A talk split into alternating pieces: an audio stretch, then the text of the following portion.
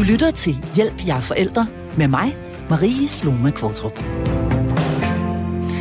Vi elsker alle sammen vores børn uendelig højt og opdrager dem mere eller mindre bevidst ud fra de principper, vi tror på. De principper, vi kender, eller ud fra de principper, der nu engang er mulige for os. Spørgsmålet er, om vi ikke alle sammen godt kunne bruge en tur op i helikopterperspektiv og se på vores måde at opdrage på fra oven. En sådan tur skal vi på i dag, i denne uge af øh, e-, episode af programmet her, som jeg har valgt at kalde De Små Voksne. For hvor meget skal børn inddrages og tages med på råd? Hvor meget ansvar skal de have, og hvornår? Og skal man være venner med sine børn? Eller går det potentielt hen og bliver noget rod? Og til at tale om netop dette har jeg to faste medlemmer af mit kompetente panel. Det er speciallæge i almen medicin, forfatter og ekspert i digital sundhed Imran Rashid, og så er det autoriseret børnepsykolog Marie Tolstrup, specialist og supervisor i psykoterapi med børn. Og du kan ganske som vanligt sende en sms til os undervejs i programmet. Det gør du ved at skrive R4 efterfulgt af dit spørgsmål eller kommentar, og så send afsted til 1424. Velkommen til Hjælp, jeg er forælder. Og lad os starte ved noget helt overordnet. Nemlig ved at se på de forskellige måder, man kan kategorisere det at være forældre på. Imran og øh, Marie, vil I starte med at sætte os ind i, hvad der sådan ligesom findes for sådan overordnede kategorier, Marie Tolstrup? Øhm, man kan ligesom tale om, at sådan meget traditionelt set, så plejer man nogle gange at inddele forældretyper i fire sådan overordnede typer. Det man kalder den autoritative, den autoritære, øhm, den eftergivende, og så også den ligegyldige, også kendt som den her sådan laissez-faire forældrestil. Mm. Og det er sådan, altså det er ligesom den måde, som hvis man går ind og konkretiserer det og putter det meget i bokse, for vi ved jo godt, at det er lidt mere nuanceret end som så. Ja, og ofte er man vel også en, en måske en kombination af, af, af flere af kategorierne, men lad os alligevel lige prøve at, at dvæle lidt ved de her kategorier. Du siger den autoritære, den autoritære yeah. øh, øh, forældre, Autoritær, den yeah. autoritære forældre-type. Hvad, yeah. hvad indebærer yeah. det sådan i, øh, i hovedtræk?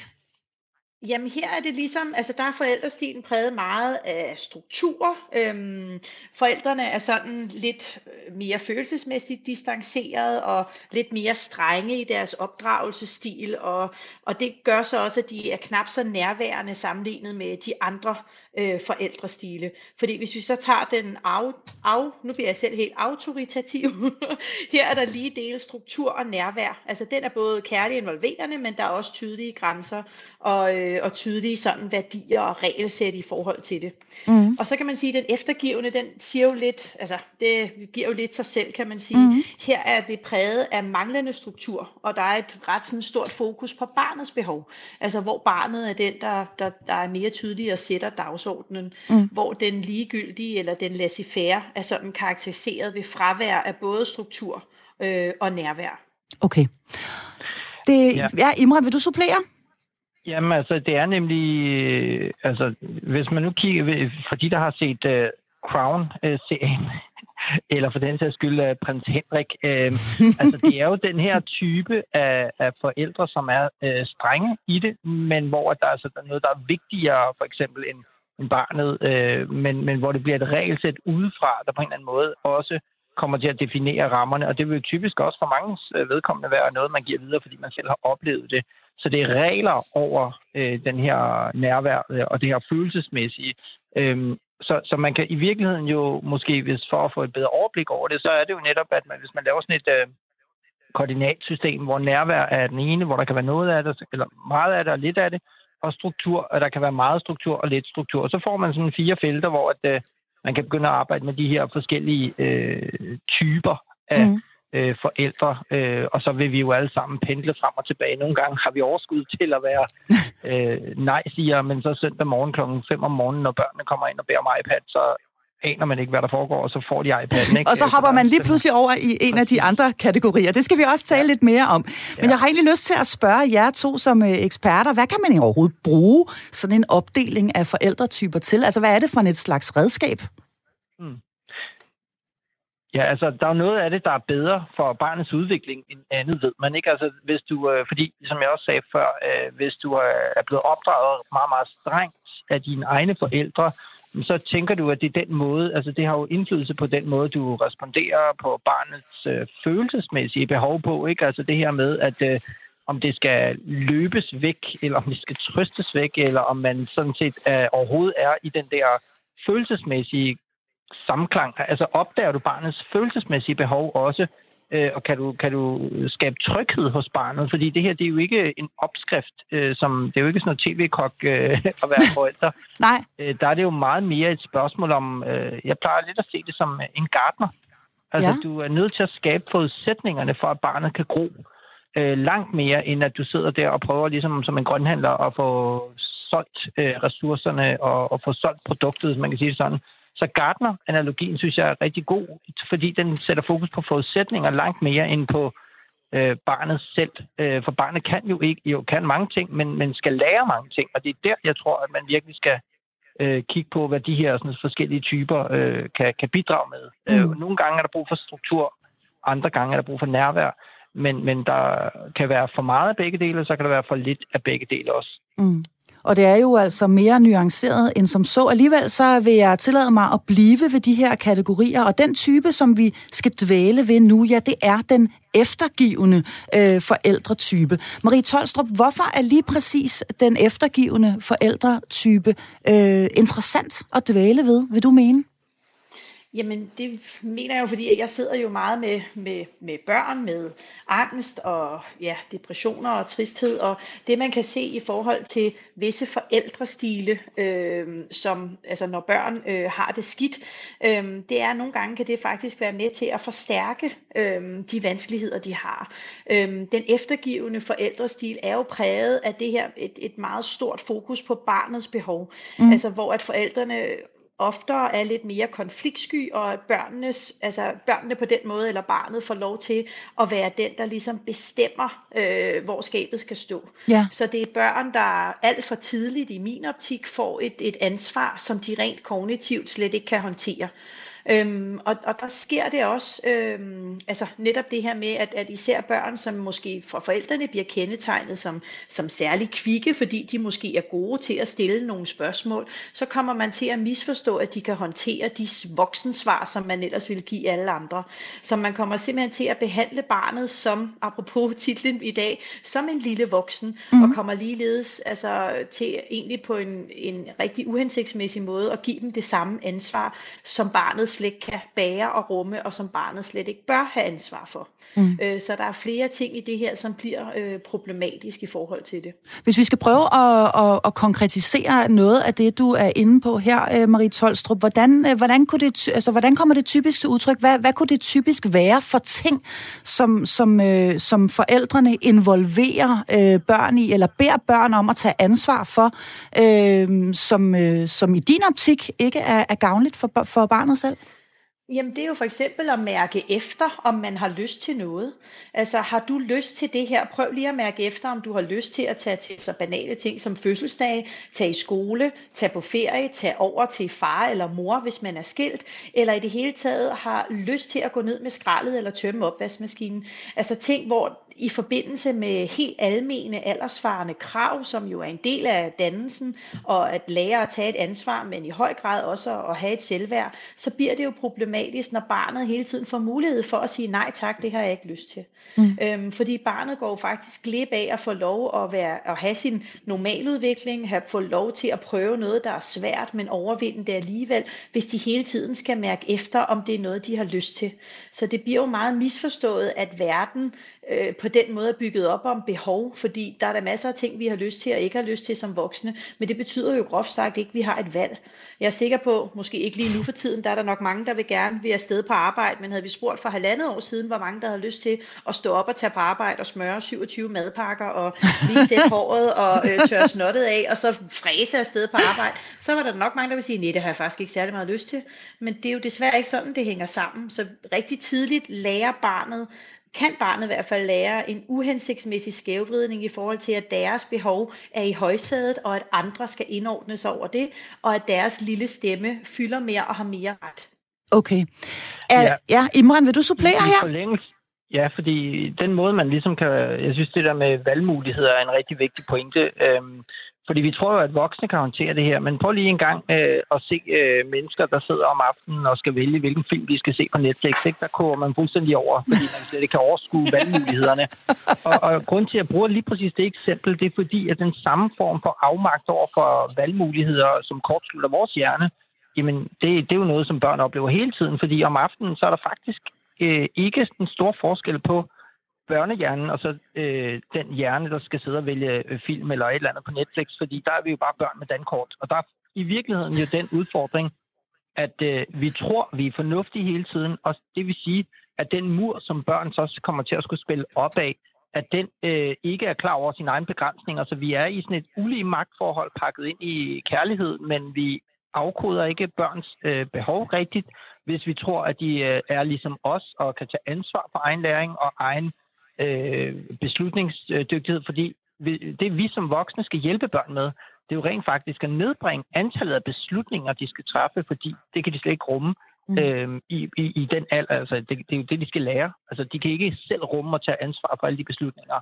Nej, man kender, øhm. man kender det jo i virkeligheden godt. Altså, så jeg, jeg kan have, altså, vi kan have nedsmeltninger hjemme hos os om, om morgenen bare over, hvad for noget tøj, øh, man skal, skal, skal tage på. Ikke? Altså, hvis det ligesom er et, mm.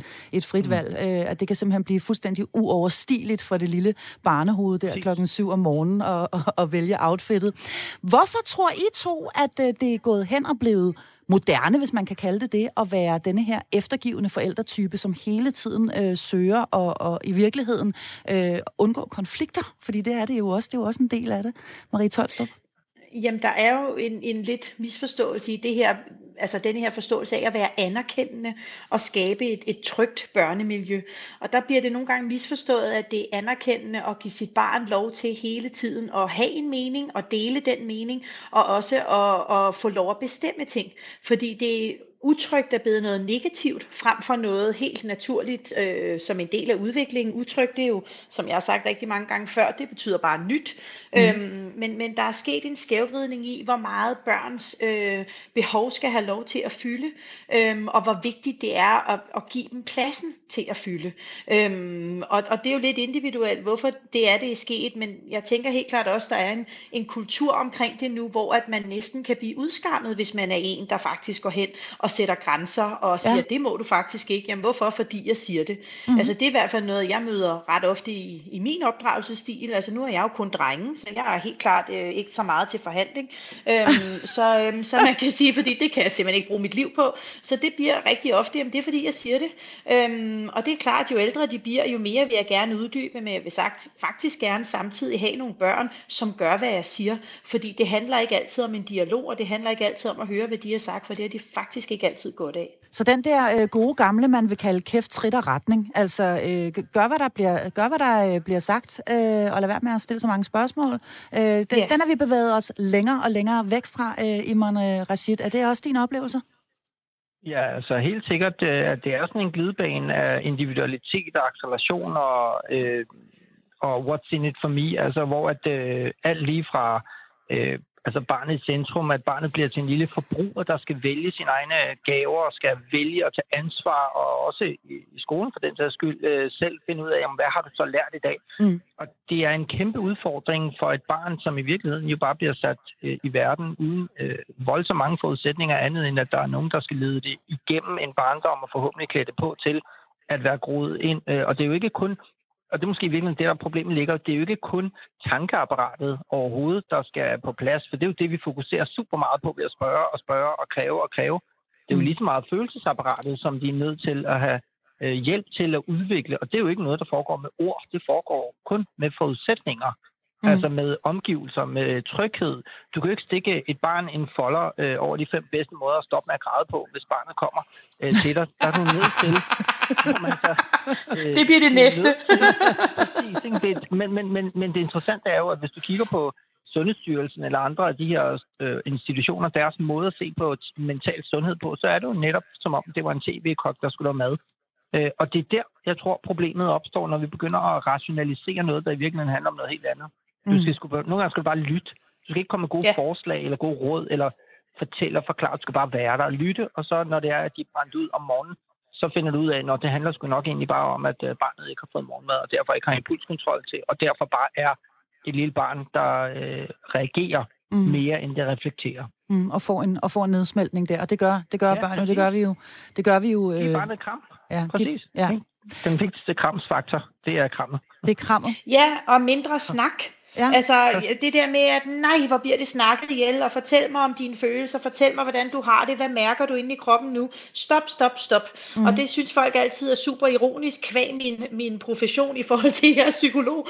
Men, men, men der går simpelthen for meget snak i det, og jeg plejer at sige, prøv at høre, det skal følge en linje i en, i en lille bog, ikke i et gigantisk øh, bogomslag, men det skal bare være en linje, og ved du hvad, det skal nok gå, det er okay, og så netop som Imram siger, altså giv dem et, et kram, øhm, for vi skal jo også fokus på det her med, at det vi lærer vores børn, altså andre skal jo også have lyst til at invitere ens barn ind i deres hjem. Så hvis man kommer til at opdrage en lille voksen, der går rundt og i rettesætter og udtaler i tid og utid, hvad de har behov, det er jo ikke noget, andre synes er super charmerende, og ikke noget, som andre børn heller har lyst til at være særlig meget med. Så man kommer også til at skabe en, en social konflikt i forhold til, at barnet ikke kan forstå, at det i den ene setting bliver mødt med masser af mulighed for at udtale sig og ytre valg og muligheder, og i mm. andre settings slet ikke får lov at, at gøre det på samme måde. Altså det, du siger kort og godt, det er, at det her barn risikerer at gå hen og blive vanvittigt irriterende for, øh, for ja, sine omgivelser i, i, i, i bund og grund. Imran Rashid. ja. ja. Ja, helt sikkert. Altså, fordi det her med også, at man får kæft til retning øh, derhjemme, øh, hvorfor skal jeg gøre det? Det skal du, fordi jeg siger det, okay, fint nok, men så vil bare noget tænke, hvis far ikke siger det, eller mor ikke siger det, når man sidder over i skolen, så, så, altså, så er det jo den kobling, der siger, at man kun gør noget, hvis nogen siger det. Mm. Det, man jo i virkeligheden skal prøve at installere i børnene, er jo en eller anden form for øh, erkendelse, som de opdager. Altså, man giver dem et sæt værktøjer hjemmefra, fortæller dem, forklarer dem tilstrækkeligt, men det er jo så først, når de kommer ud i den virkelige verden, at de begynder selv at koble tingene sammen, og selv at begynder det, man lidt kan kalde øh, internalisere, altså at få det ind i kroppen, så det bliver noget, de gør øh, frem for bare... Altså ligesom når man kører bil, der er det jo ikke nok at have bestået teoriprøven. Du er også nødt til at få den ned i fingrene og ud i øjnene, så du begynder at reagere øh, hensigtsmæssigt på de udfordringer, du møder. Sådan så at øh, du ikke øh, bare, når du sidder i skolen, øh, bliver overrasket over, at der kommer vand ud af øjnene på andre børn, som du lige har slået. Altså, det er jo, det er jo helst ikke det, der skal være sådan en aha-oplevelse, vel? Der er måske også noget ved den måde, vi som samfund har indrettet os på, der gør, at man ganske enkelt ikke magter så mange kampe. Og jeg vil da gerne starte med at gribe i egen barm her og sige, at øh, når man endelig kommer hjem, og det har været en lang og hård dag og så videre, jamen så kan det, som du også sagde før, Iman Rashid, være fristende at sige, ja, ved du hvad, altså så magter jeg sgu ikke at, at, at lige stå fast på, på, på de principper, jeg ellers har, så, så er der fri skærm og, øh, og, og sukker, eller hvad det nu ellers er, man, øh, man kan, kan få dem til at tige stille med. Er der, er der, øh, er der, er der en samfundsmæssig faktor på, på spil her også, og det, det faktum, at vi simpelthen har for travlt? Ja, helt sikkert. Mm. Altså, øh, jeg, jeg, jeg, jeg tænkte lidt over det, øh, at øh, du, har, du har jo i virkeligheden sådan et, øh, sådan et Ford, Ford T øh, bil, øh, sådan fabriksbånd, øh, der kører, ikke? At øh, så er der nogle børn, der ligesom skal ud, de skal måles, vejes, og så skal de lige præstere, og de skal tidligt tage ansvar for egen læring. Bum, så kører de videre til næste station, det er så børnehaven, og så er det måske i skolen, og så er det måske ungdomsinstitutioner ind på arbejdspladsen. Bum, og så bliver det dømt til alderdommen bagefter, ikke? altså, det er jo et, for, et ydrestyret, øh, forbrugerstyret, kommercialiseret, vækststyret øh, samfund, vi lever i, mm. som børn i virkeligheden, hele barndommen er blevet en indslusning. Altså sådan en rekruttering. Det er sådan en lille ungdomsorganisation af forbrugere, øh, zombier, skulle jeg til at sige. øhm, og nu ser jeg lidt på spidsen, men det er jo lidt... Altså, det, børnenes minister ser jo måske barndommen, og politikerne ser barndommen som noget andet, end det, som mor og far ser barndommen som. Og det er der, jeg tror, og i virkeligheden også som noget andet, end det, vi som fagpersoner ser barndommen som. Øh, og det er måske der, problemet ligger, at vi ikke betragter børn øh, på samme måde i samfundet mm. ud fra børns, børnenes egne behov og egne øh, vækstbetingelser. Hvis det var det, man kiggede på, så ville vi få en helt anden barndom jo. Mm. Du lytter til Hjælp, jeg er forældre. Ja, og vi taler altså i denne uges episode af programmet om forskellige måder at opdrage på. Jeg har speciallæge i almen medicin og ekspert i digital sundhed Iman Rashid, og så har jeg børnepsykolog Marie Tolstrup med mig begge på coronasikre forbindelser. Og nu skal det så handle om, hvilke udfordringer, der kan følge i kølvandet på at være denne her eftergivende forældretype. Og det er jo muligt, at man ikke er det hele tiden, men at man blot er det ind imellem.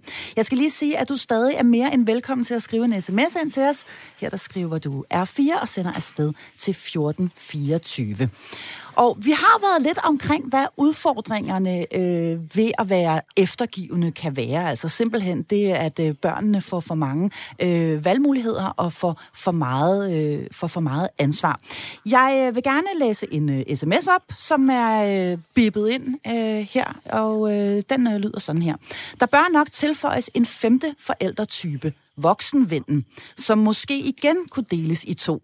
Den voksne, modne voksenven, som kunne beskrives som den styrende, autoritative ven, og så den eftergivende, umodne voksne, som diskuterer og forhandler med sit barn, hvilket nok ikke er så klogt at gøre.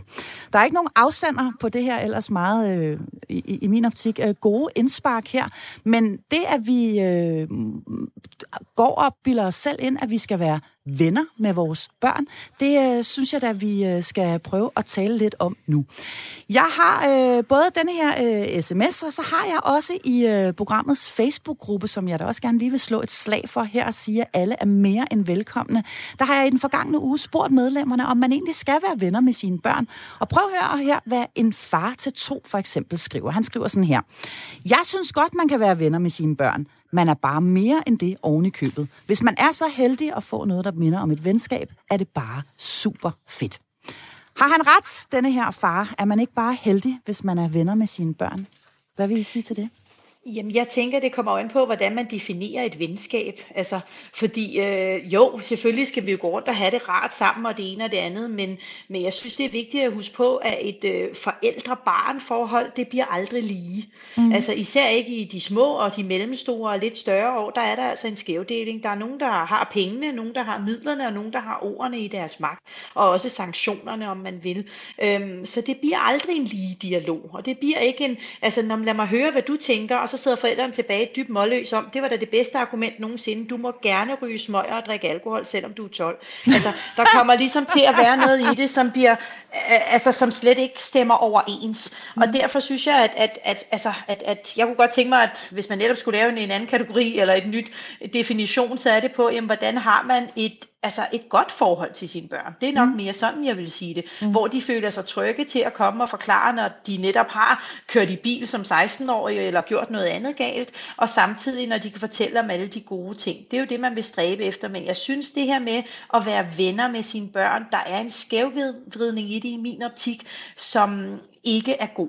Øhm, især ikke for barnet. Altså jeg tænker faktisk ofte, nu er jeg rigtig fræk, at det er forældrenes behov mere end det egentlig er barnets behov. Hvorfor det? Altså, vil du uddybe det? Altså, hvordan kan det være forældrenes behov at være, at være, venner, med sit, øh, at være venner med sit barn? Er det, er det konfliktskyheden, der sætter ind her, eller, eller hvad er det? Nej, ja, ja, altså, ja, man kan sige, det nogle gange giver det jo god mening. Nogle gange er det jo i allerbedste mening. Hvis ens barn har det dårligt, har det slemt, har det svært, så går man ind og opfylder et socialt behov i en periode for at støtte op om, at ens barn skal få det dårligt igen. Men hvis vi kigger på teenageårene, hvor at forældrene kommer til at, at misforstå en ellers velfungerende teenager, som overhovedet ikke har lyst til hverken at tale med sin mor eller sin far, og synes, de er latterlige og åndssvage, sådan som mange helt naturligt synes, de er, så kan der godt ske en skævvridning i, at man prøver at lave, lad os lave en tøsetur, siger mor, og nu bliver vi rigtig veninder, og fortæl mig om, hvordan du har det.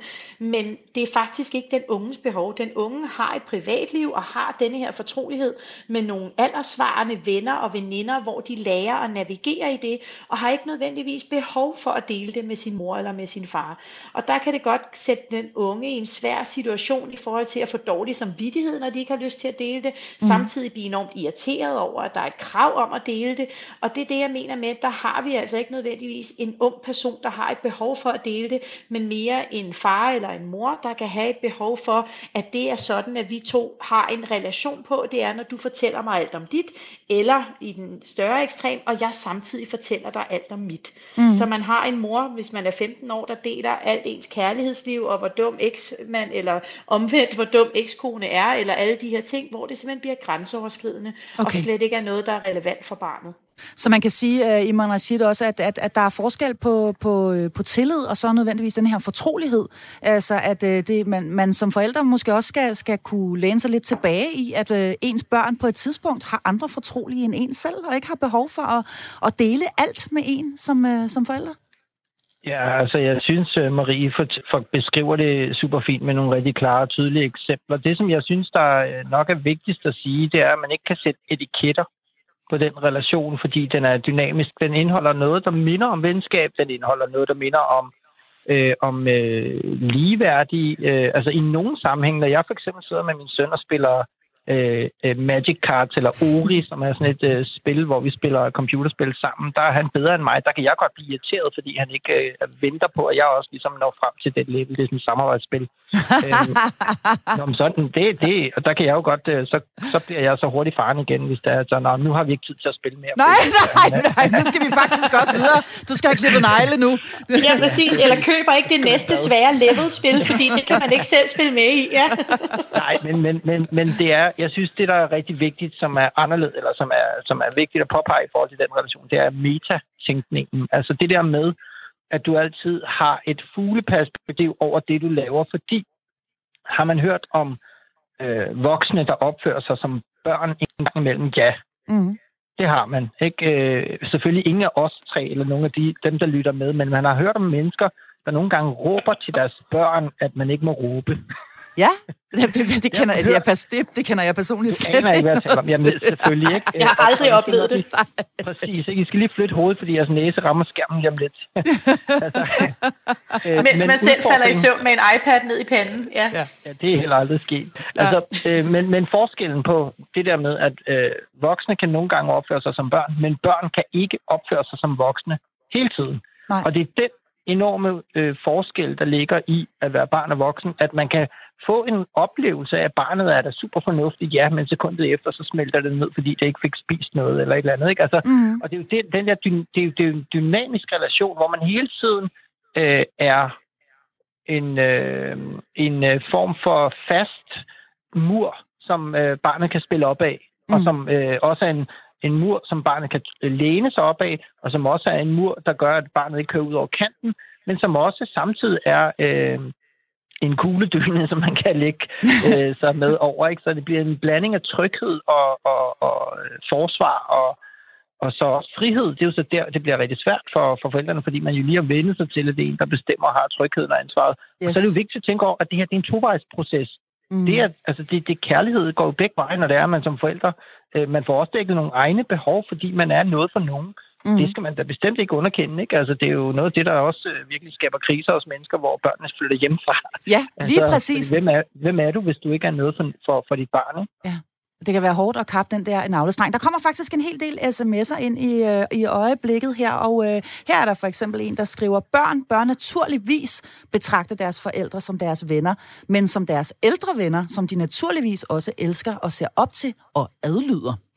Det er der en, der skriver her. Øh, nu sidder både, jeg kan se dem på Skype, øh, med mit dejlige panel i Rashid Marie Tolstrup, og vender øh, tommelfingrene nedad. Hvorfor, hvorfor vender I tommelfingrene nedad her?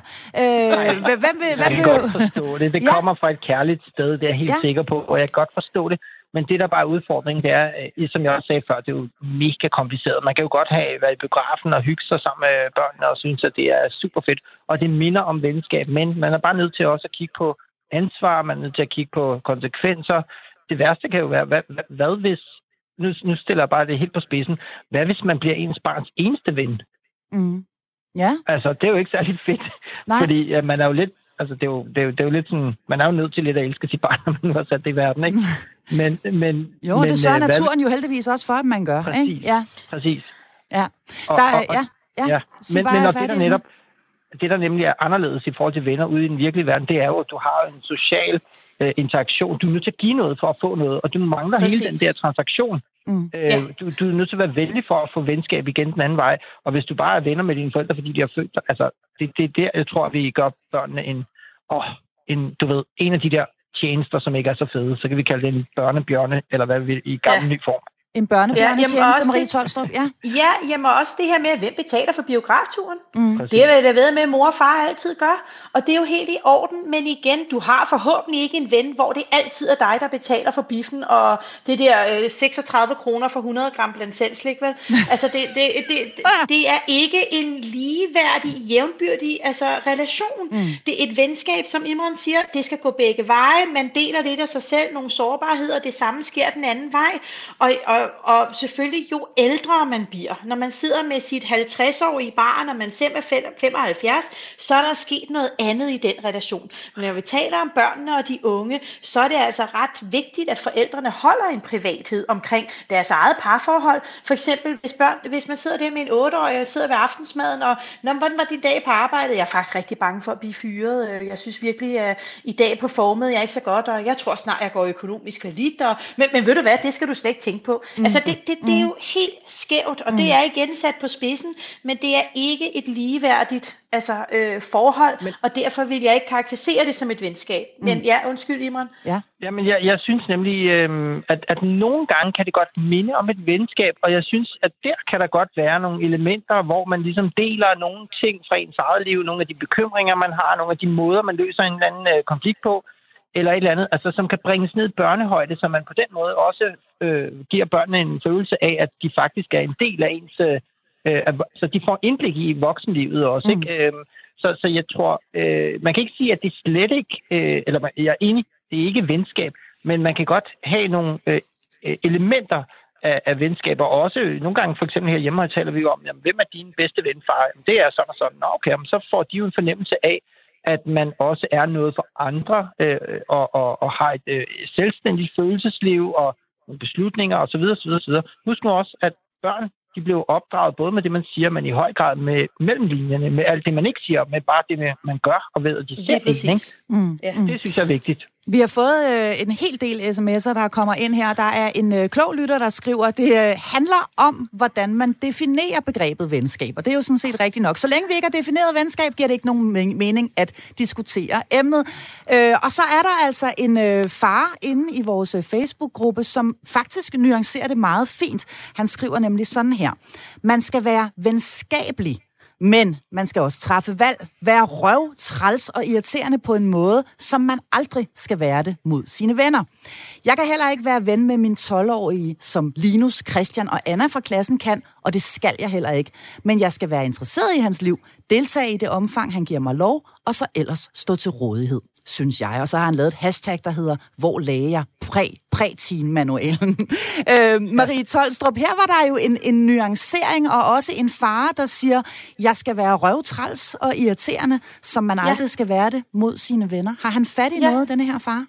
Jamen det synes jeg, han har, og jeg synes egentlig også, hvis jeg er fræk, vi har jo lidt været inde og definere venskab, for det er den her ligegyldige relation, altså, hvor vi rent socialt får og giver og tager, og på den måde opfylder vores sociale behov for netop en dybde øh, mm. og nogle andre ting. Men han har ret i netop det her med, jamen du bliver nødt til at være skrab, du bliver nødt til at skælde ud, og der er nogle andre krav, som vi som forældre kan stille, end dine venner forhåbentlig stiller. Mm. Fordi at, altså, det er jo os, der bestemmer helt fra de små, hvad tager du på? Netop, du skal tage flyverdragt på, det vil jeg ikke, jamen det skal du. Altså det starter jo så tidligt, mm. og så er det netop helt op til, hvor mange penge må du få, og hvad må du gøre, og hvor længe må du være på iPad, må du overhovedet få en iPad? Altså alle de store beslutninger i livet er jo nogen, hvor vi er med over at bestemme, i de første mange år af livet. Mm. Øhm, så, så jeg synes helt klart, at, at han, har, han har fat i noget. Og, og ja, det kan da godt blive en venskabelig mm. relation. Men, men jeg synes ikke, at det på noget tidspunkt bliver ligeligt. For selv når vi bliver gamle, når jeg sidder der og hænger et eller andet sted, så er det jo ikke ligeligt, for så er det mine børn, der bestemmer, om de knaller mig på et, et plejehjem langt væk, for nu er de gudskelov slippe for mig, eller om de tager mig hjem i deres eget hjem. Så på den måde er det ikke ligeligt. Mm-hmm. Og der, kom, ja, ja, der, kommer altså, der kommer altså rigtig mange sms'er ind nu, og der kommer også en her, som er lidt længere, men en, som gerne vil bede om et råd, og det håber jeg, at øh, både øh, du, Marie Tolstrup, og du, Iman Rashid, er klar til at give, og den, den lyder sådan her. Kære panel, jeg skriver ind som bekymret farmor. Min søn har i de sidste par år lidt af en kronisk lungesygdom, og han er nu kommet på førtidspension. Det har naturligvis været et hårdt slag for os alle, men øh, vi øh, kommer igennem det som familie. Jeg bor i den anden ende af landet og har ikke kunne hjælpe så meget, som jeg gerne ville. Min bekymring går dog på mit store barnebarn. Hun har taget rigtig meget ansvar og endnu mere her under coronaen. Hendes mor er sygeplejerske og har måttet tage mange vagter for at hjælpe afdelingen. Og mit barnebarn på 12 år har overtaget morrollen derhjemme. Det er der sørger for, at de to mindre kommer i skole med madpakker, og at min søn har det godt. Det er som om coronaen har gjort hende mere voksen og bekymret. Hun har været afskåret fra venner grundet sin fars sygdom og har ikke kunne komme i skole. Nu åbner det hele op, men jeg vil gerne give hende lidt af barndommen tilbage. Hvordan hjælper jeg min familie? Min søn er heldigvis vaccineret nu, så det hele lysner. Så det er faktisk eftervirkningerne af dette år, der bekymrer mig. Tak for et godt program. Med venlig hilsen, Else. Her er der altså Else, der skriver ind øh, og Amen. vil gerne have et uh, konkret yeah. råd angående hendes 12-årige barnebarn, yeah. Marie Tolstrup. Og det Hvad vil du sige til Else? hjertet. Ja, det gik også i hjertet på mig. Ja. Jamen, sikke en fin besked, og ja. man kan jo lige se det for sig, og man kan jo komme ud i, som hendes 12-årige barnebarn tydeligvis har gjort, ja. at man i visse situationer bliver pådraget et voksenansvar, som ens mor og far ikke direkte beder en om, men som omstændighederne kræver, man ja. tager på sig. Ja. Og det kunne godt lyde som om, det er det, der er sket her. Mm. Øhm, at det er af nød og ikke af lyst, at det her pågår. Øhm, og hvis det er det, vi tager udgangspunkt i, jamen så er det da rigtig vigtigt, at det sekund, der er mulighed for, at det her ansvar bliver taget fra hende igen. Altså hun skal ikke smøre madpakker og ikke gøre alle de her ting. Så skal hun tilbage på sporet til at få lov til at være et barn og genoptage sin barndom. Øhm, mm. Fordi det er alt andet lige slet ikke godt for hende så længe at være i denne her øh, voksenrolle. Mm. Øhm, så netop det med altså at få lov at komme hen til farmor og få en god børneferie, om man vil, og hvor det bare står i hendes tegn i forhold til alt det børnemæssige, hun kan få lov at være i, men også at man altså som forældre bliver opmærksom på, jamen hvor meget kan de andre små også begynde selv at smøre deres egne madpakker, altså at det ansvar også bliver fordelt. Øhm, det, det tænker jeg i hvert fald også er, er, er rigtig vigtigt. Mm. Iman Rashid, har du lyst til at give Else et par ord med på vejen, også her i forhold til ja. hendes bekymring?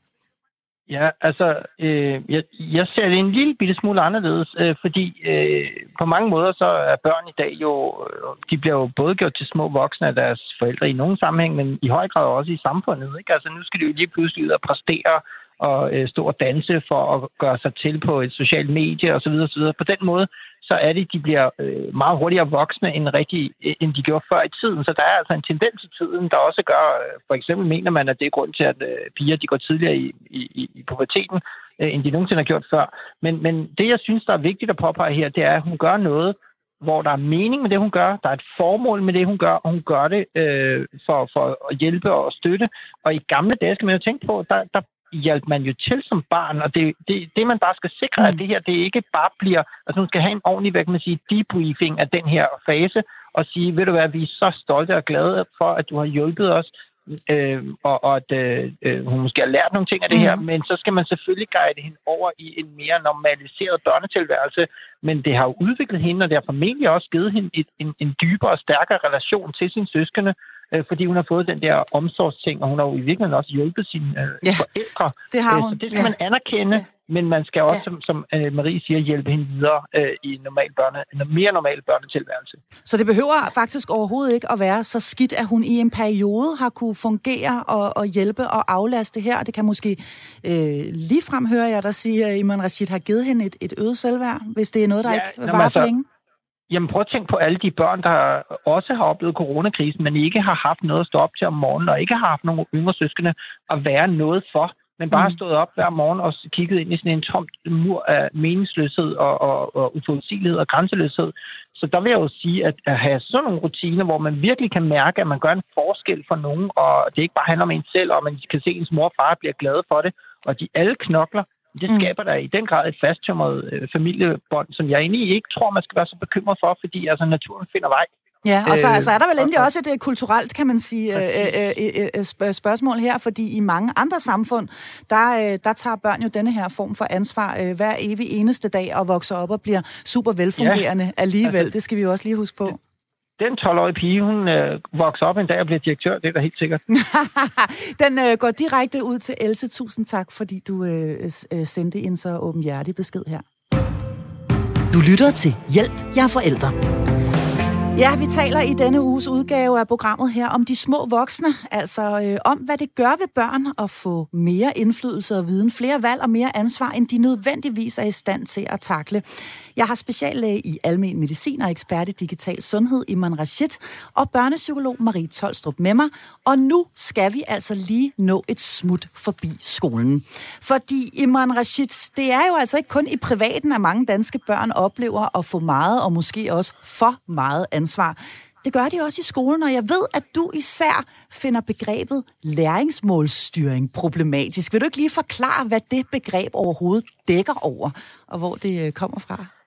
Ja, altså, det, jeg sidder jo lige nu og skriver en bog, øh, med, der handler om øh, målbarhed øh, og hvordan vi har brug for mere mærkbarhed, øh, fordi vi jo er mere følelsesstyret, end vi er rationelle væsener, selvom vi har indrettet verden efter rationel tænkning, øh, og det gør en masse skade. Så det er sådan den overordnede præmis, jeg har. Og så er jeg så stødt på, øh, at den her målbarhed har snedet sig ind alle mulige steder i samfundet, i, i karakterræset, i perfektionismekulturen osv., men sådan som en også nået ind et sted, hvor den særligt for mig at se gør kæmpe skade potentielt set, nemlig i skolen.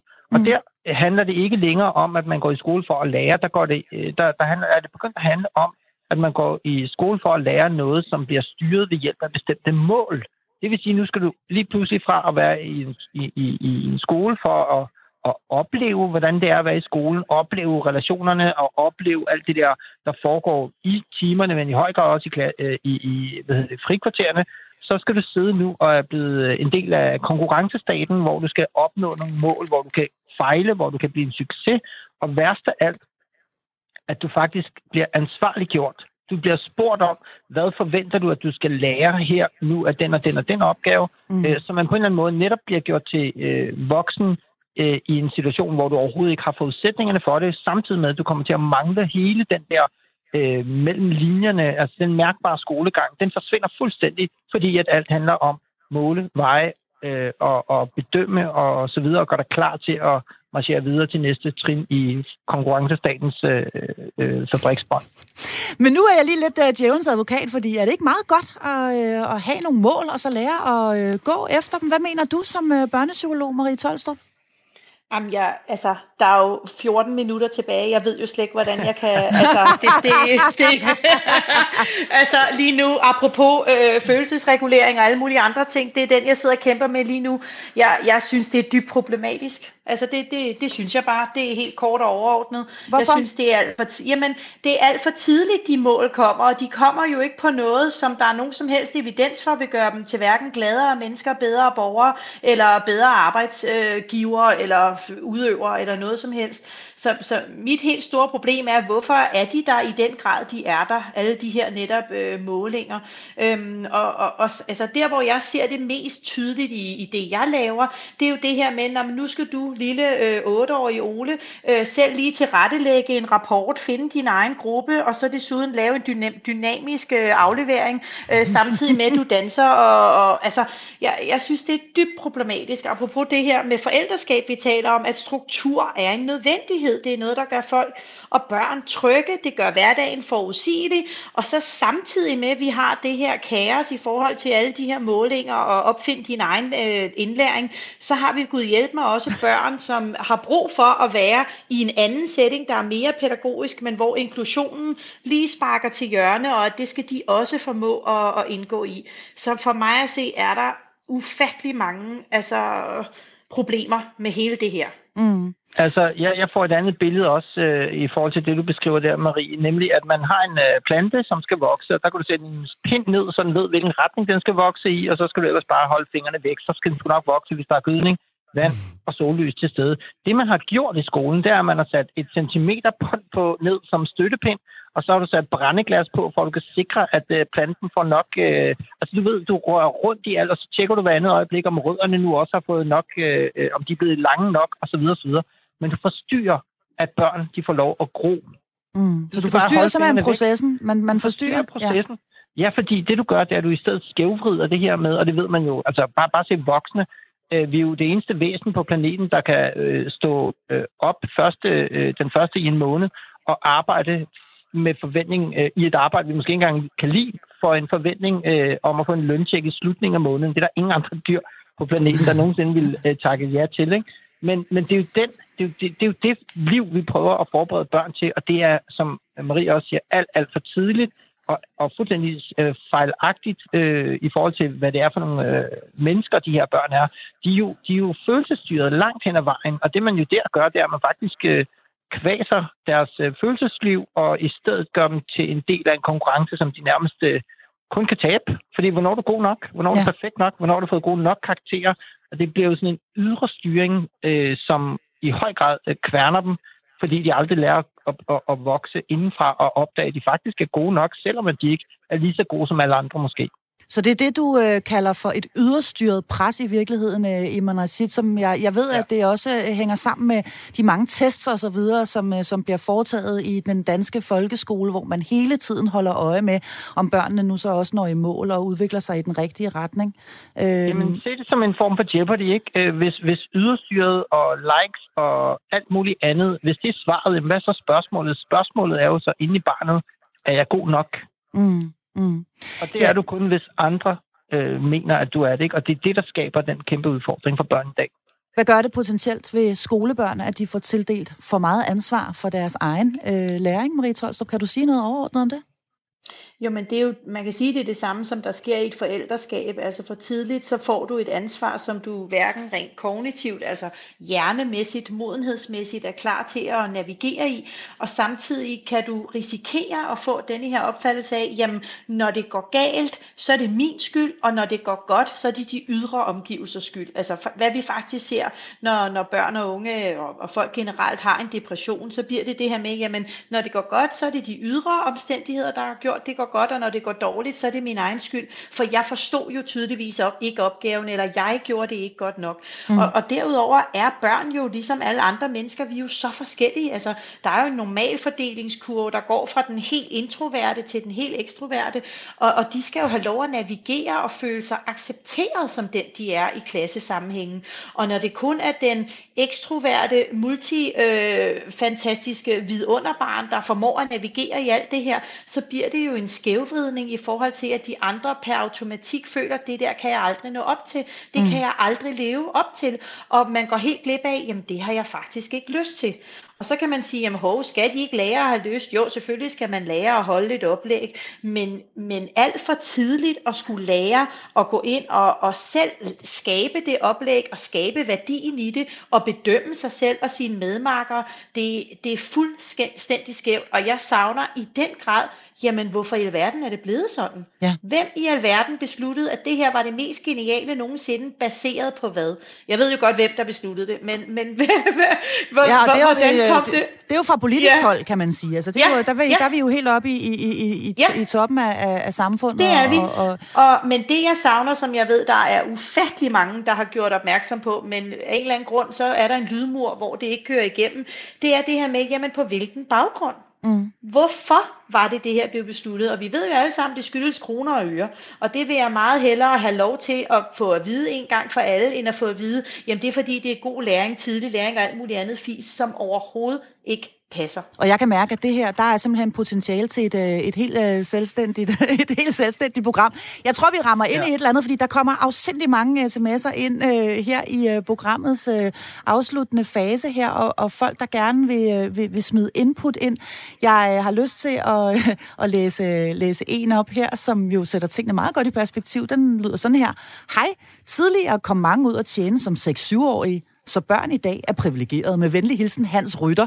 Øh, Iman Rashid ligger lidt i forlængelse af det, vi også talte om før, at man altså ikke nødvendigvis tager skade af at, øh, at, få, noget, at få noget ansvar og, og have en funktion øh, men, i, men, i familien. Men, Jamen, det er præcis. Øh, og det er det, du siger, funktion i familien, det er en ting, men hvis, øh, hvis man sender børn ud for at tjene penge til familien, så er det jo børnearbejde.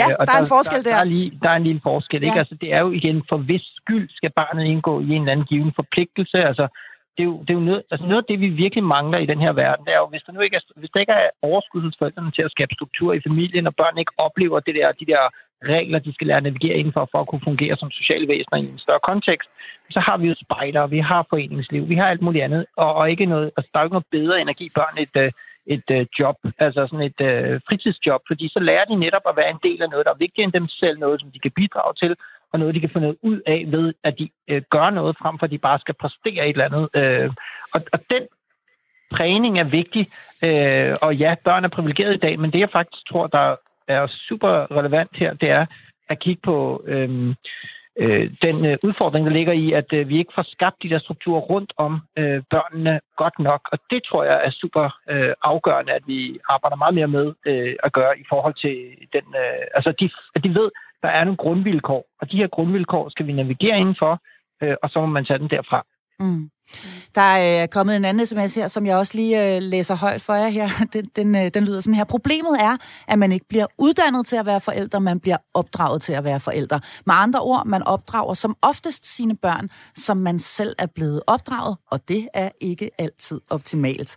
Øhm, og det kender man jo godt, når man kan høre sin egen mor eller fars stemme, og, og, og nærmest, nærmest er dem indimellem. Så, så det er heller ikke, fordi vi vil, vil udøve øh, bashing på øh, nogen som helst øh, måde i det her program. Det skal jeg lige skynde mig lidt at sige. Øh, en anden sms lyder sådan her. Barndommen er en nyere øh, opfindelse. Hvor blev den lige af her? Barndommen er en nyere opfindelse. Den er nok kun omkring 120 år gammel. Den ligger så lidt i forlængelse af det, Hans Rytter han skrev om, at før i tiden, der øh, var børn jo altså ude at tjene som 6-7-årige. Og øh, det er ikke noget, vi øh, behøver at vende tilbage til. Til gengæld så vil jeg gerne lige her afslutningsvis opsummere, øh, både i forhold til det, der er blevet sagt af dig, Marie Tolstrup, børnepsykolog, og af dig, øh, speciallæge i almen medicin, Iman Rashid, fordi det, jeg hører, der jeg begge to sige, det er, at børn skal være børn, og voksne skal være voksne. Og øh, det skal altså være de voksne, der bestemmer og skaber rammerne. Øh, det skal være de voksne, der tager ansvar for de større linjer, både derhjemme, men øh, også i øh, skolen. Kan man sige, at øh, I ligefrem går ind for hierarki, Marie Tolstrup? Jeg har lyst til at spørge dig, altså når vi taler børn og autoriteter, som for eksempel øh, både forældre og lærer, går du ind for hierarki ligefrem? Jamen det, det gør jeg. Altså øh, det er jo meget groft stillet op, fordi der er jo nogle nuancer i det, men der er jo en forældrekonstellation, som alt andet lige skal være den styrende og bestemmende og den guidende. Og det er klart, jo ældre børnene bliver, jo, jo mere når de op i forhold til, at, at hierarkiet bliver mindre og mindre. Men jeg synes det også, det er vigtigt, at i undervisningen, så er det jo læreren, der bestemmer. Og samtidig, når vi taler om det her med arbejde, jamen arbejde er jo meget, meget tydeligt. Når du går med aviser, så har du en funktion. Du skal gå gå med avisen, du skal aflevere den der. Det er tydeligt, det er nemt og målbart i forhold til, om man har levet op til det. Og det er det, der adskiller sig i høj grad fra den undervisning, der kan foregå hen i skolen. Så hvor der også bør være et hierarki på en arbejdsplads, der er du jo sjovt nok heller ikke ligeligt med din chef eller med din arbejdsgiver. Så på den måde synes jeg øh, helt kort, og ja, der bør være et hierarki. Der bør være et hierarki. Så der er en, der er en chef, og der er en øh, ansat, Iman Rashid, afslutningsvis. Ja, forske, forskellen er jo bare, at du elsker sjældent din chef. Øh, altså, men, men, men, men, men pointen her, tror jeg, jeg tror, at den der Gardner-analogi er nok uh, rigtig god for forældre at tage videre herfra. At der er nogle forudsætninger, og så er der noget struktur. Men det vigtige er, at I sørger for, at barnet føler sig trygt, at der er noget relation, de bliver vandet med, og de gror op i retning af noget mening og formål. Så det er nok noget af det, man bedst kan bidrage med, tror jeg, for en tryg og god barndom, som børn kan mærke. Ja. Godt, og lad så det være de sidste ord i denne udgave af programmet, hvor jeg altså var fornemt akkompagneret af to dejlige faste medlemmer af mit panel, nemlig Iman Rashid og Marie Tolstrup. Næste fredag har jeg igen to knivskarpe paneldeltagere med mig, når programmet her skal handle om bedste forældre. Både dem, der blander sig for meget, og dem, der blander sig alt, alt for lidt. Og så er der kun tilbage at sige tak for i dag. Tak til øh, panelet, og tak til programmets Facebook-gruppe, til dig, der sendte sms'er ind undervejs, og til dig, som lyttede med. Mit navn er Marie Sloma Kvartrup. Rigtig god weekend.